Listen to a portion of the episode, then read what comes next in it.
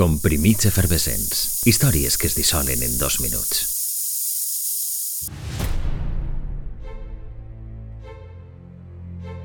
El començament del segle XX estigué marcat per un episodi volcànic devastador. Va ocórrer en el cor del Mar Carib, a l'illa de Martinica, un territori d'apenes 1.000 quilòmetres quadrats.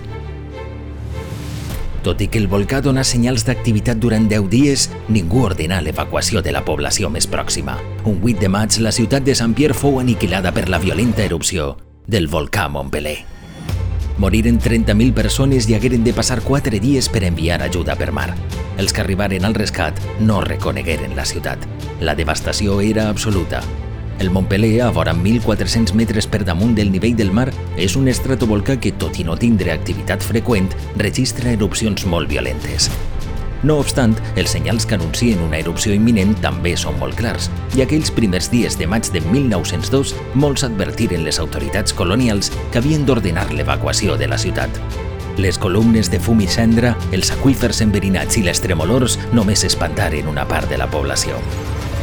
La resta acabaria sepultada pel fango incinerada en les seues pròpies vivendes. Alguns vulcanòlegs equiparen aquella erupció a la que va assolar Pompeia l'any 79.